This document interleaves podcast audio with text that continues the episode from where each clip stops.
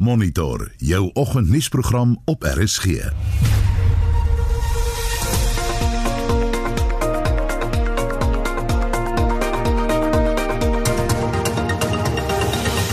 In monitor vanoggend die voormalige minister van water en sanitasie staan bond voor die staatskapingskommissie. 'n Politieke ontleder kritiseer die oppositie dat hulle doelbewus die president se posisie verkeerd verstaan. Hier is goedkoop kritiek wat slip en ek dink dat John Steenhuisen ook uitspreek. Hulle sou dit ook nie beter kon gedoen het nie. Pragtig as mense probeer doelbewus om 'n ding mis te verstaan, dan kan jy dit mos doen. Veral John Steenhuisen. En om 10 oor 7 kry die DA en Solidariteit kans om repliek te lewer op die kritiek.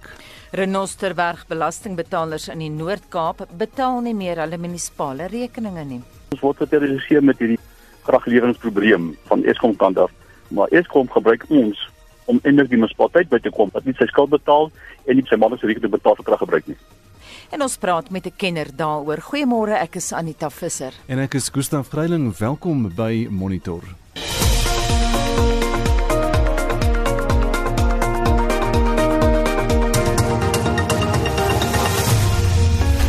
Dis nou 12 minute oor 6 is ingeskakel hier by Monitor op RSG en 'n oorsig van die koerant voorblaaie op Dinsdag 21 Julie. Die burger vanoggend, ons is gebroke. Niemand sal ooit daai suur kan wegvat nie. 'n Boetie en sussie verdrink in 'n plaasdam in Gansbaai en daar's 'n foto van die gesin en besonderhede daaroor die storie uh, in die koerant vandag. Ook 'n berig wynplase hof toe oor drankverbod. Ons gaan binnekort daaroor praat ook hier op Monitor. En dan 'n berig al hoe meer kerke op hulle knieë weens die pandemie en dis veral die hervormde kerk wat finansiëel op sy knieë is.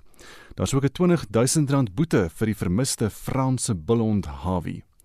Beeld in Volksblad vandag Nomvula, dit gaan oor wraak. Die minister het by regter Raymond Zondo se staatskapingskommissie vertel hoe Angelo Agrizzi van Bosasa net 'n rassis is wat vroue haat en daarom wil wraak neem.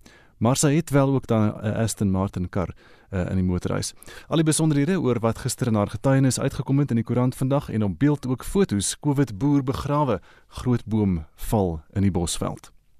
Business Day vandag.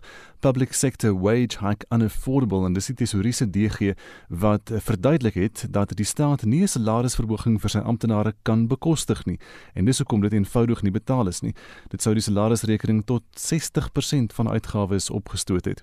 En ook 'n berig oor die DA wat dalk te laat is met sy plan verandering nou in die SAL saak teen Tito Mboweni en dit nadat die minister in hofstukke gesê het hy het geen plan om sy noodmagte te gebruik om geld uit die inkomstefonds vir die SAL te gaan gaan haal nie. Internasionaal op bbc.com die EU leiers het uiteindelik tot 'n vergelyk gekom oor hulle groot reuse 750 miljard euro koronavirus hulppakket. En dis vinnige oorsig van vanoggend se nuus. En nou Gustaf het ons iets vir die land se soettande waarvan hm. ons twee is. Baie mense het die week hulle misnoë uitgespreek toe daar verlede week bekend gemaak is dat die chocolate log sjokolade nie meer vervaardig gaan word nie. En daar's nog slegte nuus. Volgens Nestlé Suid-Afrika gaan tot 15 verskillende soorte en grootte sjokolade verwyder word van die rakke af. Dit sluit in Milky Bar bar en peppermint crisp sjokolades. Ag nee, en dan ook sommige quality street verpakkings. En ons wil vanoggend weet, hoe voel jy oor hierdie veranderings? Hoe voel jy oor sjokolade? Dis nie die eerste keer dat 'n geliefde lekker goed van die rakke afgehaal word nie. Watter lekker goed wil jy veral nie sien verdwyn nie en hoekom het jy so 'n soet tand? Vertel ons. Stuur vir ons 'n SMS na 45889. Dit kos R1.50 of jy kan gaan na facebook.com vorentoe skuinstreep ZRSG of WhatsApp vir ons stemnota na 076 536 6961 076 536 6961 Dis nou kwart oor 6 en die landbouorganisasie SAI vergader die week met boere in die Wes-Kaap oor hoe die verbod op die verkoop van alkohol hulle raak.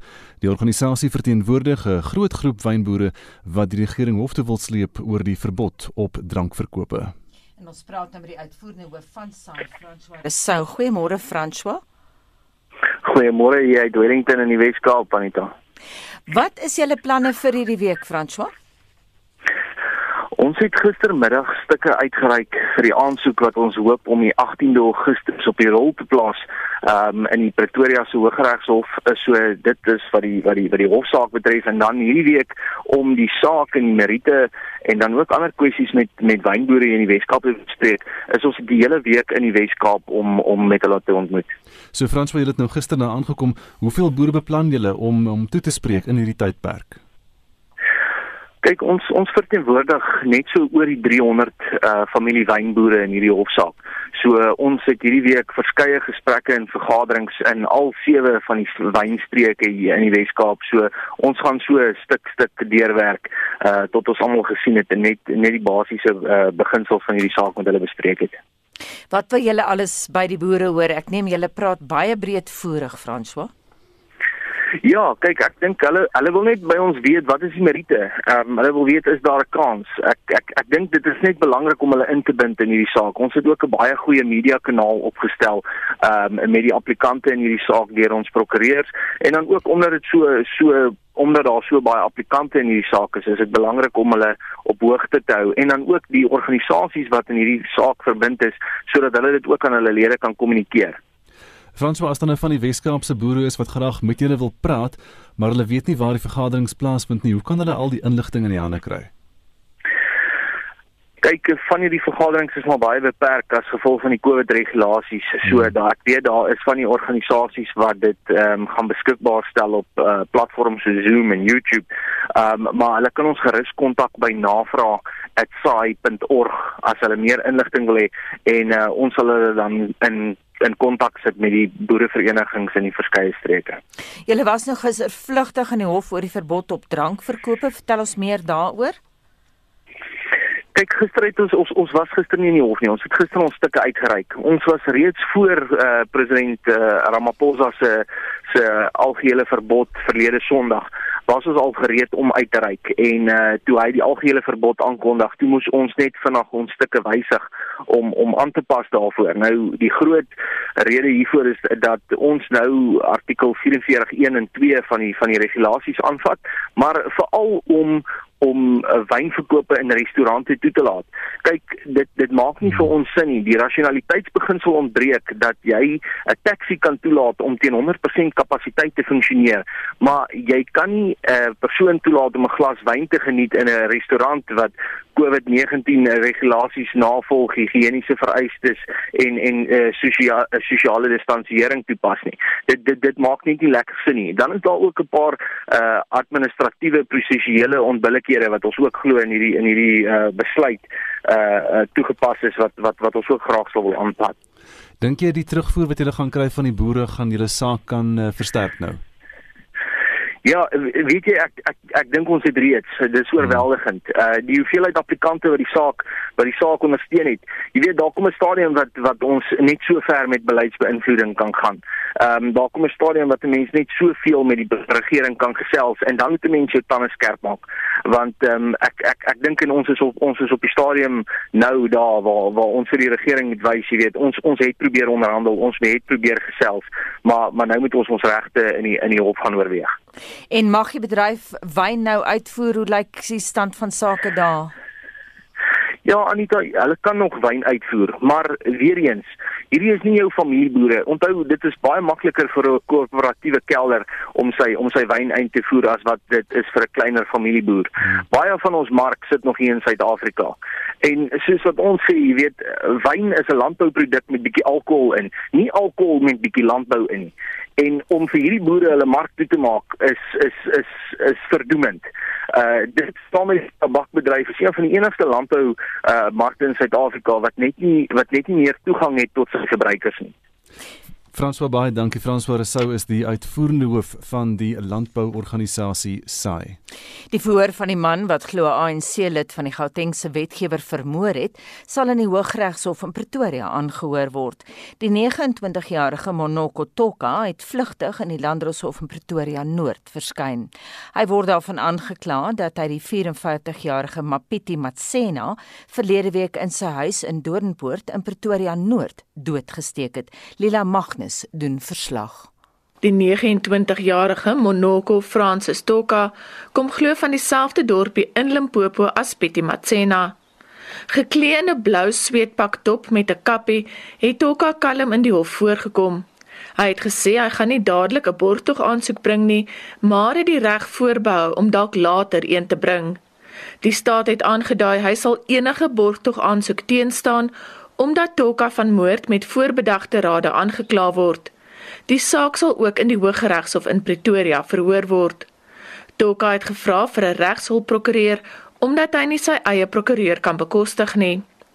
Matsena se broer Abel het die polisie geprys vir die vinnige arrestasie van 'n verdagte. Hy wou nie bevestig of Matsena vir Toka ken of dat Toka op 'n stadium by die Matsenas tuis gegaan het nie.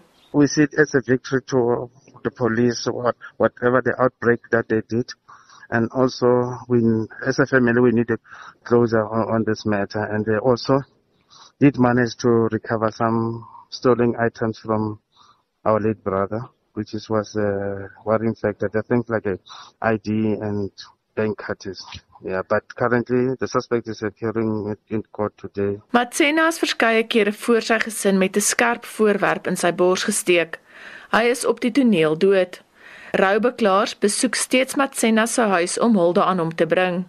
Die Gautengse provinsiale wetgewer hou vandag vir hom 'n roudiens en die ANC môre. Matsena sal die naweek in Limpopo begrawe word. Die saak teen Toka is tot 24 Augustus uitgestel. Ek is Lila Magnus vir SAIK nuus in Pretoria. Die sakeverslag word nou aangebied deur Nelis Brink van PSC Wealth R21 in Pretoria en op Stellenbosch. Goeiemôre Nelis. Môre Anita. Baie sterk loop jy op die Amerikaanse tegnologie aandele. Het die Nasdaq ver in die groen gedruk. Dow Jones gisterand 0,03% op. S&P 500 0,84 en die Nasdaq ver op met 'n 2,5%. Dis natuurlik te danke aan Amazon wat 7% op is en Zoom 9% op. Albei aandele wat bevorder word deur mense wat van die huis af werk. In die Verenigde Koninkryk het ons die FTSE 100 in die rooi met -0,46% en die Duitse DAX in die groen met 1% op. Die Europeërs het uiteindelik 'n ooreenkoms bereik oor die 750 miljoen euro stimuluspakket vanoggend in Brussel. Oor na Suid-Afrika het die JSE hier die groen gesluit gister met 0,63% op. Die toppresteerders daar Spur teen 8% en Harmony Gold teen plus 6%. Die verloorders gister natuurlik RMB Holdings met minus 6,8% en die Fortress ry vir 'n tweede dag op ons negatiewe lysie op minus 6,2%. Nuwe hoop op die vooruitsig van Enstof het die ooste verder ook in die hoogte ingedruk met die Hang Seng sterk in die groen met plus 1,6% en die Nikkei met 0,6%. In Australië het die ASX 200 ook sterk in die groen gesluit met plus 1,5%. In kommoditeite is goud verder op teen 1819 dollar per fyn ons, platinum 852 dollar per ons met Brent olie wat net oor die 43 dollar per vat draai. In wisselkoerse versterk die rand verder teenoor 'n swak dollar met R16.61 teen die euro R19.2 sent en teen die pond R21.5 met die dollar euro wat 'n bietjie verder terugsak teen $1.15. Groet julle op daardie noot en onthou tyd in die mark goeie sukses. Dankie Anita. En dit was die sakeverslag aangebied deur Nelis Brink van PSC Wealth R21 in Pretoria en op Stellenbosch. Jy luister na Monitor elke weekoggend tussen 6 en 8. Dis nou half 7 en in die nuus Suid-Afrika se bevestigde koronavirus-infeksies styg tot meer as 370 000. Minister Gwedi Mantashe is in die hospitaal weens COVID-19. En die burgemeester van eThekwini veroordeel die vernietiging van regeringsvoertuie. Bly ingeskakel. In Dinsdag 21 Julie se RSG Kuns. Hallo. Hallo Logner, dis Christel van RSG. Dis ons mis mekaar omtrent. Ek is so verskriklik jammer, kan jy nou gesels? Ja, natuurlik. Skiet ek besef ook nou dit seker nog 'n bietjie vroeg in die oggend vir ek. Nee, glad nie. Ek is op pad werk toe. Wat se werk? Logner de Kok verjaar die 23ste Julie en word 70. En ons leer ken die man agter die stem. RSG Kuns Dinsdag aand tussen 8 en 9 saam met my Christel Webber. In RSG Landbou vind ons uit waarom blou bessies al meer bekendheid verwerf as veerkragtige vruggies. Omdat hy so klein is, nê? Nee, Hy's mos nou so so so klein bessietjie, so jy kan hom maklik 3 van hulle in jou hand vat en dit eet. In plaas van dat jy sê maar 'n sjokolade gryp. In China het hulle popcorn vervang met bloubessies. Almal soek 'n quick fix vir gesondheid. Die, die lekker ding van 'n bloubessie is jy kan hom mos in 'n pot plant. So jy kan sy water gebruik, nogals goed monitor. Saterdagoggend kwart voor 12 saam met my, Eloise Pretorius. Luister na ons daglikse COVID-19 opdatering maandag tot Vrydag kwart voor 6. Aangebied deur die Nasionale Departement van Gesondheid en SAIK opvoeding in samewerking met die Solidariteitsfonds. Daar is geen verkeer. En as ek kyk wat aan die gang is hier op die skerm in KwaZulu-Natal is daar 'n kwessie op die N2 suidwaarts by die R102 daar's protesaksie aan die gang en volgens die foto's wat ons kan sien hier is dit taamlik gewelddadig. Daar is brande en hulle sê daar's skote wat ook geskiet word in die omgewing van Lamontville. Uh, albei kante of beide kante van die N2 snelweg by Umlazi die protesaksie wat daar aan die gang is. In Johannesburg is daar 'n voertuig wat staan op die N12 weswaarts na Tom Jones straat en die linkerbaan daar is versper. Dan kyk ons na die volgende ene. Dis alles nou die KwaZulu-Natal se protesaksie wat hier deurkom uh wat taamlik erg is vir oggend. En uh die res van die paaie in die Kaap lyk of daar niks aangaan nie. Dis oop en is skoon. So as jy weet van enigiets anders kan jy vir ons 'n SMS deurstuur na 45889 en dit kos R1.50. En ons praat vanoggend oor sjokolade wat van die mark verwyder gaan word. Vincent, ek sien nou hierso Howard Gumbi of liewer Howard van Genubi. Skryf vir ons dat Peppermint Crisp is nie op daai lys van Nestlé nie, maar dit was gister in die koerante ook as deel van daai lys. Maar Howard, indien dit wel so is, is ek baie dankbaar want ek hou baie van Peppermint Crisp. ja, Anita, as ek so vinnig ook kyk op ons SMS lyn, is daar seker hordes SMS'e wat inkom juis oor die Peppermint Crisp. Dis die eerste ding wat wat ook my gedagtes kom het. O nee, nie Peppermint Crisp tert nie, maar ons luisteraars dink ook so. Hier's 'n Ronel van Durban wat sê asseblief behou Milky Bar Smarties. Wit sjokolade is nie so soet soos donker sjokolade nie. Wat gaan word van Peppermint Crisp tert? Ai tog. Ehm um, ander luisteraars skryf sjokolade Peppermint Crisp afval. Nee man, mens sukkel jouself moeg om dit op die rak te kry. Baie lanklaas gesien. Ek bid om weer een te kan koop. Milky Bar my gunsteling.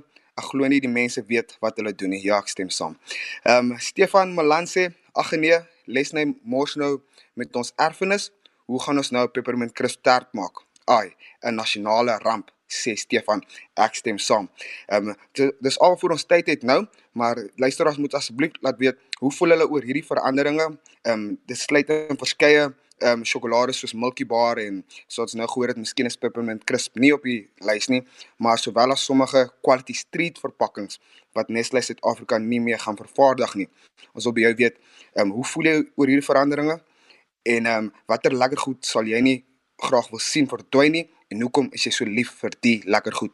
Stuur vir ons jou SMS na 45889 onder dit kos R1.50 per SMS of gesels saam op Facebook by facebook.com vorentoe skynstreep ZRSG of jy kan natuurlik 'n stemnota van so 30 sekondes stuur as alternatief en die nommer is 076 536 6961 ek herhaal hom 076 536 6961 Ek sit nou net en wonder, ek het gister ook gewonder oor die pep peppermint, wat het ons altyd gesê peppermint crisp tart, maar dis die kondensmelk tart. Miskien kan mens hom met peppermint aero maak, maar laat weet wat jy daarvan dink. 6:34 ons beweeg na die sportveld met Shaun Jooste. Ons fokus vanoggend op 'n paar ranglyste en puntelere. Op die internasionale kriketraad se toetskampioenskappe punteleer is Indië op 360, Australië op 296 en Engeland op 186 punte, die top 3. Die Proteas is 8ste op 24 punte. Engeland het die Windies gister in die tweede toets van hulle reeks met 113 lopies geklop om die reeks met 1 elk gelyk op te maak. Die Windies is vir 198 op dag 5 uitgebal en het 'n teiken van 312 gehad. Ben Stokes was die speler van die wedstryd vir sy 176 in die eerste en 78 nie uit nie in die tweede beurt. Motorsport. Na drie wedrenne van die 2020 Formule 1 seisoen is die Brit Lewis Hamilton nou die voorloper op 63 punte. Sy spanmaat Valtteri Bottas van Finland is 5 punte agter hom met Max Verstappen van Nederland derde op 33 punte. Mercedes rek hulle voorsprong op die vervaardigers punteleer en staan op 121 punte. Red Bull is tweede op 55 en McLaren derde op 41 punte. Op die MotoGP punteleer die Fransman Fabio Quartararo 25 punte agter sy naam. Die Spanjaard Maverick Vinales het 20 en die Italiaaner Andrea Dovizioso 16. Suid-Afrika se Brad Binder het 3 punte en is 13de. SIC Racing het 36, Ducati 23 en Pramac Racing 22 punte. In die sokkerwêreld is Liverpool gemaklik voor op die Engelse Premier Liga punteleer op 93 punte. Manchester City het 75, Chelsea 63 en Leicester 62 punte met nog 2 rondes oor. Real Madrid is die kampioene van Spanje en het die seisoen op 87 punte geëindig. Barcelona was tweede op 82 punte en Atletico Madrid en Sevilla derde en vierde op 70 punte elk. Op die Serie A punteleer in Italië is Juventus die voorlopers op 80 punte, Inter Milan is tweede op 72, Atalanta derde op 71 en Lazio vierde op 69 punte na 34 rondes. Die golfwêreld het 'n nuwe nommer 1 manspeler. Die Spanjaard Gon Ram met Rory McIlroy van Noord-Ierland na sy oorwinning die naweek by die Memorial toernooi ontroon. McIlroy is nou tweede met die Amerikaner Justin Thomas steeds derde. Suid-Afrika se Louis Oosthuizen val met 1 plek na 25ste. Erik van Rooyen ook met 1 plek na 43ste en Christian Besaidnout klim weer met 1 plek na 47ste. En laastens in rugby. In Nieu-Seeland op die Aotearoa punteleer staan die Crusaders nou op 18 punte. Die Blues is tweede op 13, die Hurricanes derde op 12 en die Islanders vierde op 10 punte.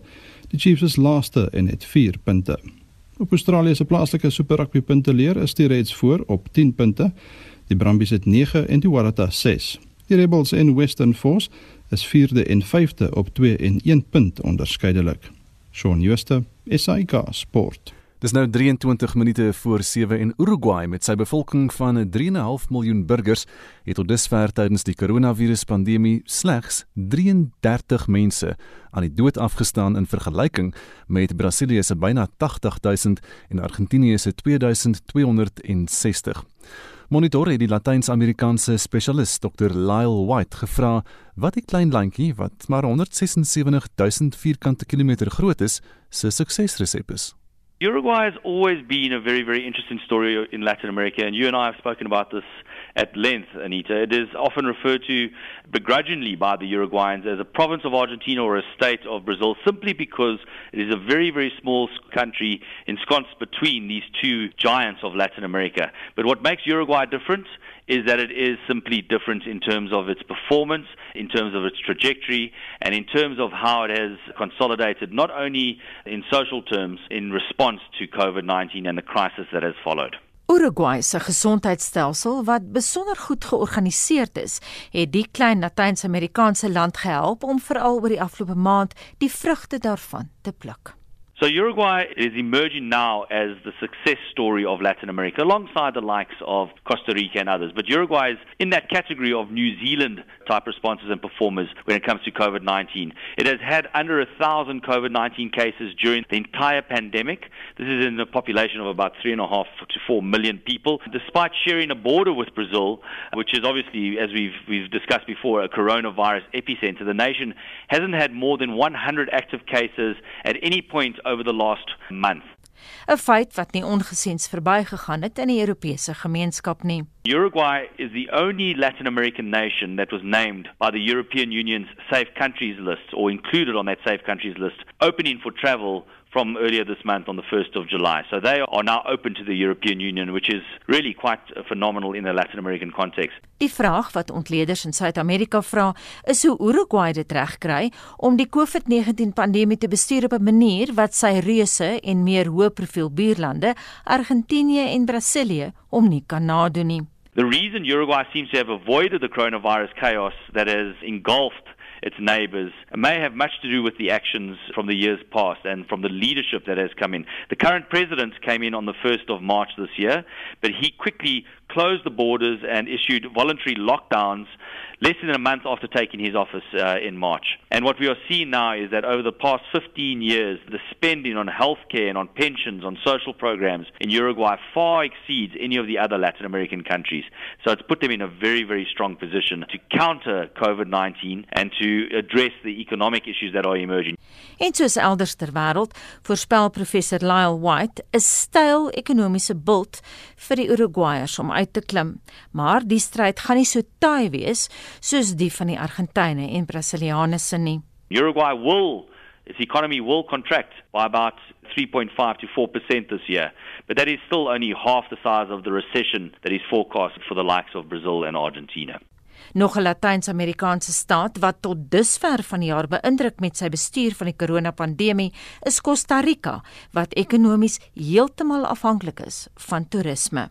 Costa Rica, again, has strong institutions and they've navigated this relying on the policies and the institutions that they've put in place over the last 15 to 20 years. They've also expended a lot on healthcare and education over the years, on primary and secondary education especially. And as a result, have also then bolstered the understanding in communities and built a very, very strong community. I would argue that even though they are small countries, so it's sometimes difficult to replicate, what we can learn from countries like Costa Rica and Uruguay is is the importance of understanding your numbers but building community and building public trust in addressing COVID-19. Intussen monitor Latyns-Amerikaanse state mekaar rakend hulle bestuur van die koronapandemie. The big countries and their big neighbors do watch and learn from them, but they often do dismiss the fact that they are small and so they've got a, an infinitely more complicated scenario to deal with. But they do look at best practices, and you must remember that in Latin America, there are smaller countries that have handled the pandemic not as well as their counterparts like Costa Rica and Uruguay. I think of countries like Chile and I think of countries like Ecuador where they have battled their way through this. And I suppose this is what we can learn is that it's not necessarily about size. It's about centralized control and perhaps the public trust that really does come through in how we handle this crisis. En dit dan die Latyns-Amerikaanse spesialis Dr Lyle White, senior direkteur by die Johannesburgse Sakeskool aan die Universiteit van Johannesburg en Anita het daardie onderhoud met hom gevoer. En ons bly by die koronavirus. 'n Groep safari-operateurs in Mpumalanga hou môre optog van 'n Witrivier na Nelspruit oor die impak van die inperking op die toerismebedryf. Die groep het reeds verlede Vrydag 'n soortgelyke optog gehou om die aandag te vestig op mense in die bedryf wat sonder 'n inkomste sit. En ons praat nou met Bekus Geldenhuys, 'n safari-operateur van Taste of the Bush Safaris môre Bekus. Goeiemôre, Gustaf. So het julle betoging toe nou verloop, wie het almal daaraan deelgeneem? Ehm um, Gustav het dit fantasties um, afgeloop. Um, dit was baie vreedsaam. Ons is geprys vir die manier waarop dit georganiseer was en um, ek dink ons het 'n groot impak gehad. Dit het begin met ehm, 'n um, persoon Hilton Langley uit uh, Woensdag ehm um, tekens op sy oop voertuig um, aangebring gesê sonder lus en vaar die strate in en ehm um, dit het gesneeubal en teen Vrydag is um, meer as 80 ehm um, voertuie het deelgeneem aan die protes en um, dit het baie goed afgeloop maar ons sal dit moet eskaleer. Um, uh, Gustav, hier mense wat um, letterlik nou die kos het om te eet nie die toerismebedryf um, het 'n uh, 8.6% aan wat hy ehm um, bydra tot die bruto binnelandse produk en en um, ons ons het ons het niks nie. Ons verstaan daar's 'n virus ons verstaan daar's dinge maar ons kan protokolle insit en ons kan ons kan hierdie ding moet omdraai want dis letterlik mense wat nie meer kos het nie ons praat van 1.5 miljoen mense wat nie werk het nie. Dis dis dis 'n absolute krisis. Weekus, watter soort protokolle sou jy voorstel? Dit is 'n baie goeie vraag en ek dink daar is daar's baie mense met baie voorstelle. Ons het um, 'n groep byvoorbeeld genaamd NISA um, wat met die mense in die Wildtuin praat. Byvoorbeeld ons kan um, miskien dat die voertuie um, gesaniteer word voor die toeriste dan in die Wildtuin ingaan. Mense moet getoets word um, voor hulle op die vlug kom na Suid-Afrika toe. Ehm um, daar is sekere goedes wat 'n mens kan insit. Ehm um, dit is dit is glad nie so moeilik nie. Ek meen ons kyk na lande soos Tanzanië is reeds oop hulle hulle protokolle in plek en en dit werk vir hulle. Hulle is hulle is ver voor ons wat dit betref. Ja. Het julle nou intussen al 'n griefskrif aan die regering oorhandig? Ehm um, Gustav ons het ehm um, uh, met Vrydag se protes het ons by die NPCR mense daar by onder langer so 'n parkeraad kantore dis waar ons op toe geëindig het ehm um, tegnies en ons het 'n griefskoot vir hulle daar ehm um, afgegee um, meneer Langley het daar met hulle gepraat. Hulle het dit mooi ontvang en ek dink dit was 'n positiewe stap geweest ja. Weekus, hoe lank is jy al in die bedryf? Ehm um, Anita 25 jaar, 'n kwart eeu van my lewe. Ehm um, ons het soveel passie vir die lewe. Dis dis nie altyd 'n maklike lewenstyl nie, maar dit is ehm um, dis iets wat 'n mens in jou bloed, klim in jou bloed in en jy is so lief vir die natuur. Ons kan nou van maartmaand af nie in die bos kom nie. Dit frustreer ons baie. En hoeveel geld reken jy het jy verloor? Ehm um, dit is 'n baie uh, moeilike vraag om net uit die feite te beantwoord, maar ek praat as as uit 'n begroot. Ons het by die regering het hulle vir ons nou 50000 rand beloof. Baie van ons het dit nog nie gekry nie. Ehm um, so sit letterlik met geen inkomste nie. Ehm um, kom ons sê jou begroting is 30000 rand 'n maand. Ons kan selfs nie sommetjies maak. Dit is verskriklik wat hier gebeur het. So is jou jou besigheid staan heeltemal stil. Daar's niks aan die gang nie. Dit dal dit dal so dis of um, niks meer druppel nie. Ja. Hmm. En dit raak uh, meer as net die reservate en die lodges, né, dat die skade loop dieper as dit. Absoluut. Dit is ons kyk nou nie die die, die diensverskaffers, die mense wat byvoorbeeld kom ons sê net maar seep vir die lodges bied of wat ook al diens. Ons praat van wildspaars, ons praat van geen ehm um, wilddiefstal stroper um, eenhede. Ehm um, en mense is besig om om die resultate te verhonger. En hmm. en en dit maak dat die wild ehm um, diefstal ehm um, uh, absoluut opgeskiet het. Ehm um, dit is dit is net 'n dis 'n baie groter ding hierdie as net die 1.5 miljoen uh, mense wat direk geraak word daarin ja. Bekus Gustaf en ek praat vroeër vanoggend. Ons dink dit raak waarskynlik die motorverhuuringsdienste ook. Mense huur tog karre, toeriste en so. Absoluut. Um, ek ek verstaan dat um, daar's groot maatskappye wat besig is om toe te maak. Ehm um, uh, by die motorverhuurings uh, daar's daar's groot groot mense. Jy weet um, uh, Anita as mens kyk as 5000 mense afgelê word by 'n plek, dan is dit 'n groot krisis. Maar ons praat hier van 1.5 miljoen mense se lewens dit is dit is dit is baie groter as en wat vir my bekommerd maak is dat die minister um, Mamoloko Kubai Mubani uh, het nie regtig teenwoordigheid nie. Sy sy ons hoor nie eintlik op die 30ste Mei het sy afgekondig dat daar gaan prosesse wees om oop te maak en ons wag nog. Ons ons hoor daar's nie uh, meneer Ramaphosa se tog net regtig oor toerisme nie. Hy hy, hy dit is 'n stilswaai wat ons baie bekommerd maak want ons is die derde grootste ehm um, uh, uh, uh verteenwoordig ag ehm uh, entiteit wat wat geld inbring in die land in. Ehm um, wat ons natuurlik bitter nodig het, ja, as land. Jy het nou al gesien die laaste paar maande, die laaste 4 maande wat nou intussen gebeur, wat het gebeur met julle bedryf? As as die inperking vir toerisme nog voortduur vir 'n maand of 2, uh, by, by watter punt gaan dit gaan dit weet kom dit by daai punt waar dit oor die oor die edge gaan om dit so te stel? Wel, ehm um, ek praat nou um, Vrydag met 'n met 'n ou kollega. Hy sê van Bekes ek nou so punt 3 daar nie koers nie. Ek, ek dink ons is al verby die punt. Ons moet dringend kyk om die grense oop te maak met protokolle in plek. Ehm um, ons ons is eintlik verby daai punt al Gustaf. Ehm um, dit is hmm. ons uh, daar's baie mense wat reeds um, hulle besighede verloor het. Um, ons ons is nie daar is nie meer tyd nie. Ons moet nou 'n uh, uh, daadwerklike ingryping sien. Ja. Bekes baie dankie en sterkte aan julle Bekes Geldenhuys is 'n safari operateur van Taste of the Bush Safaris. Intussen het 'n groep Tourism Recovery South Africa 'n oop brief aan president Cyril Ramaphosa geskryf om te vra wanneer die reis- en toerisme sektore heropen sal word.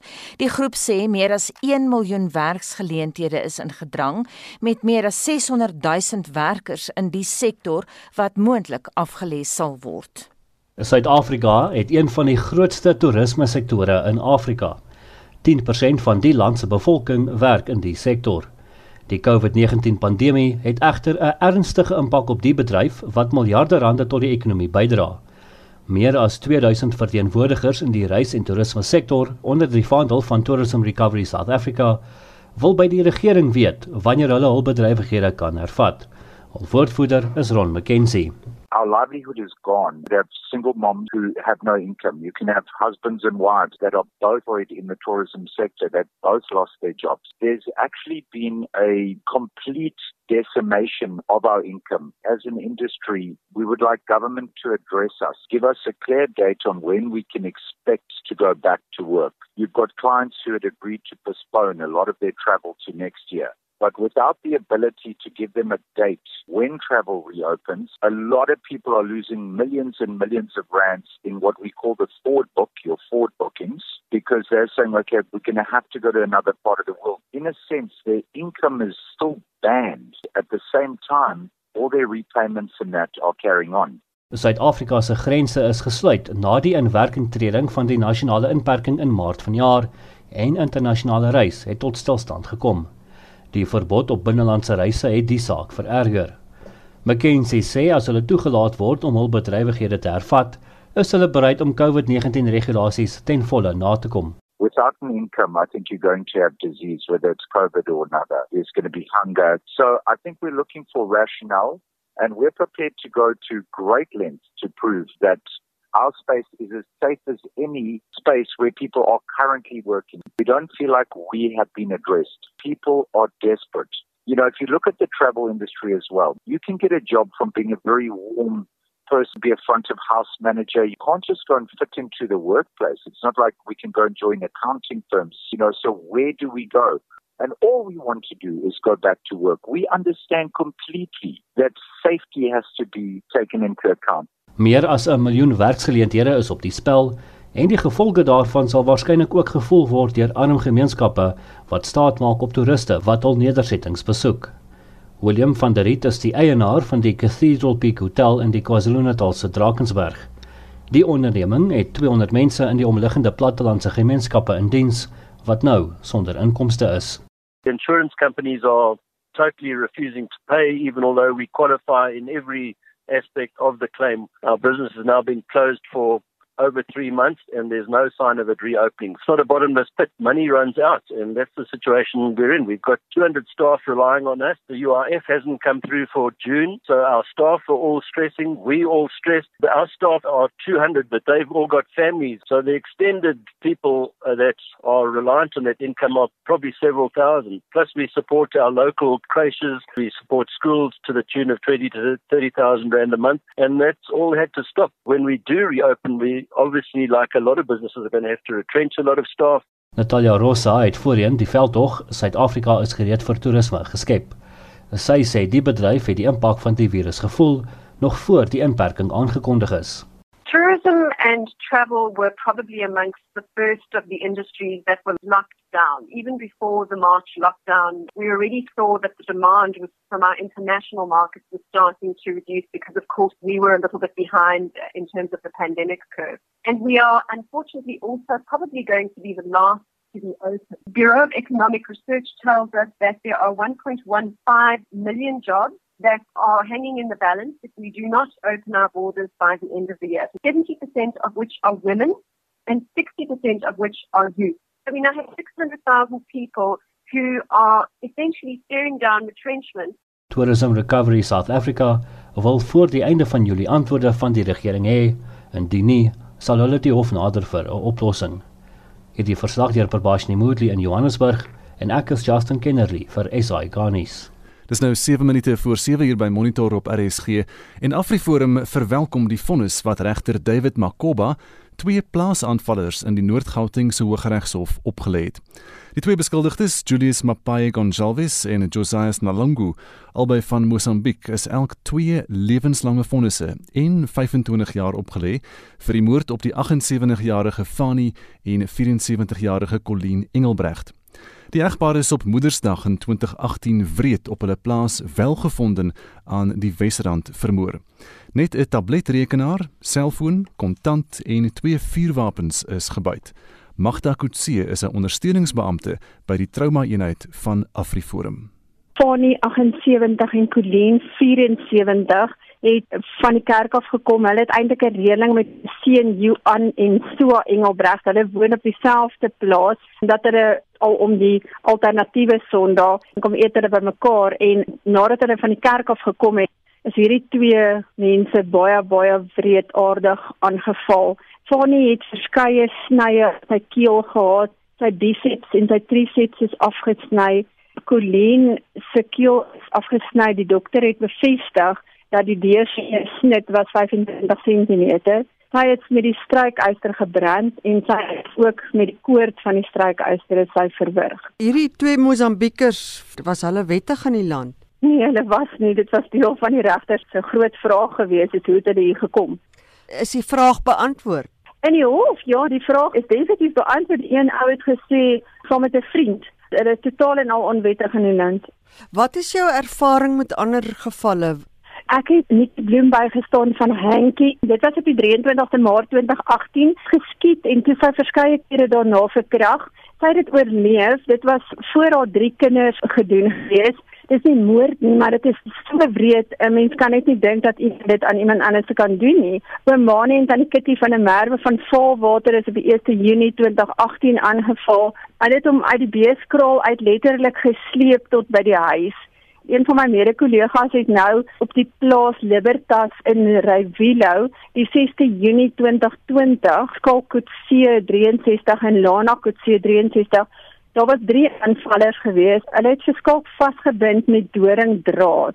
Hulle het hulle in die huis ingestap en het Lana verskeie kere geskop en geslaan totdat sy bewusteloos was. Haar oog was heeltemal uit posisie uitgeskop geweest. Dit is verskriklik hoe haar gesig gelyk het nadat hulle haar so geskop het vir ure.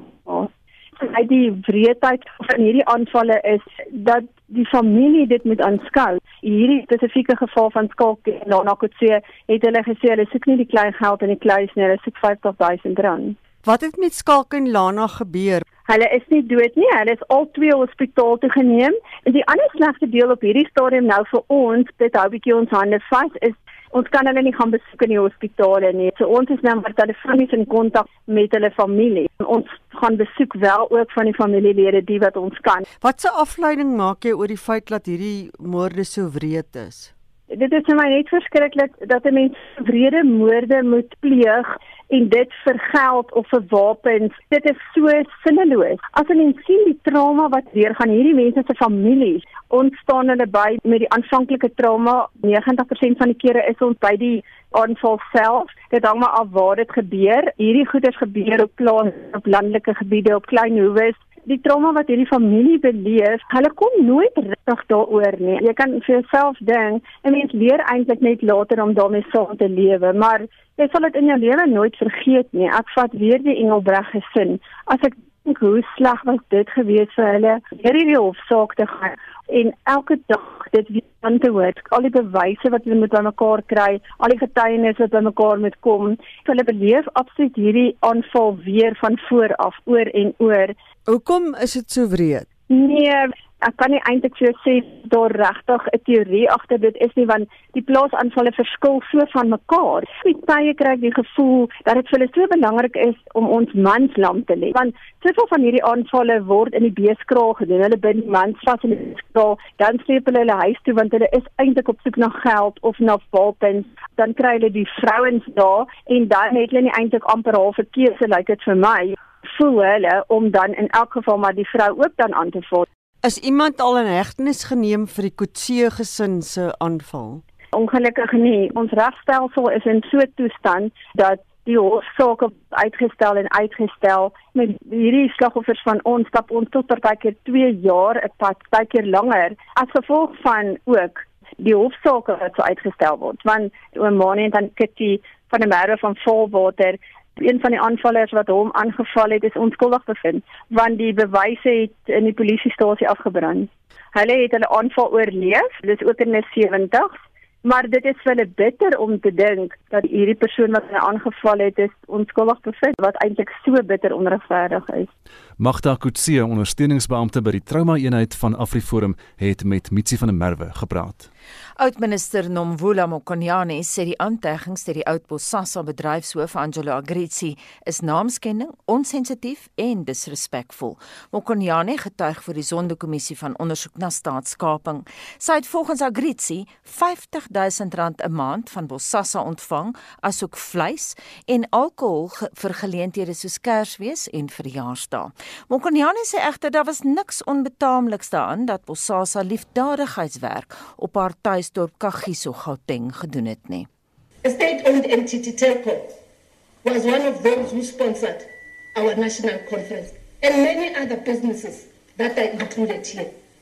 And this has been something that has been done not only for the ANC, not only for me, not only for members of the ANC, but this has been part of the democratic operations here in this country where businesses had chosen to support those that they prefer would pursue their interests. Sy sê hy het sekere aantuigings teen haar gemaak omdat hy nie verstaan hoe die ANC werk nie. When you run a command center for an event, like Nomvula being the head of organizing in the ANC, you then have to know when is the food coming? When are the marshals going to eat? Has the food been delivered at the pickup points of the buses? And all those things are not necessarily you, but because this person acts, you know, in this particular way, he thinks I'm the alpha and omega of the ANC. Never. There are structures and systems to deal with these matters. Mokonyane ontken dat sy Akrisi voorheen ontmoet het. Regter Raymond Zondo het gewonder hoekom Akrisi sulke aantuigings sou maak. Why would he go to these lengths to do this to you? It's important that you you address that because I have no doubt that if he or his lawyers present argument, they might say, why would he have gone to all of these lengths? Uh, why would he want to tarnish your image, put you in a bad light? Sy ontken dat sy gebruik gemaak het van Bosasa se veiligheidsdienste. Die verslag van Posichi Mombe in Johannesburg, Jean Estreisen, SA Kanis. En dit bring ons by 7:00 in nuustyd. SA Kanis, onafhanklik, onpartydig.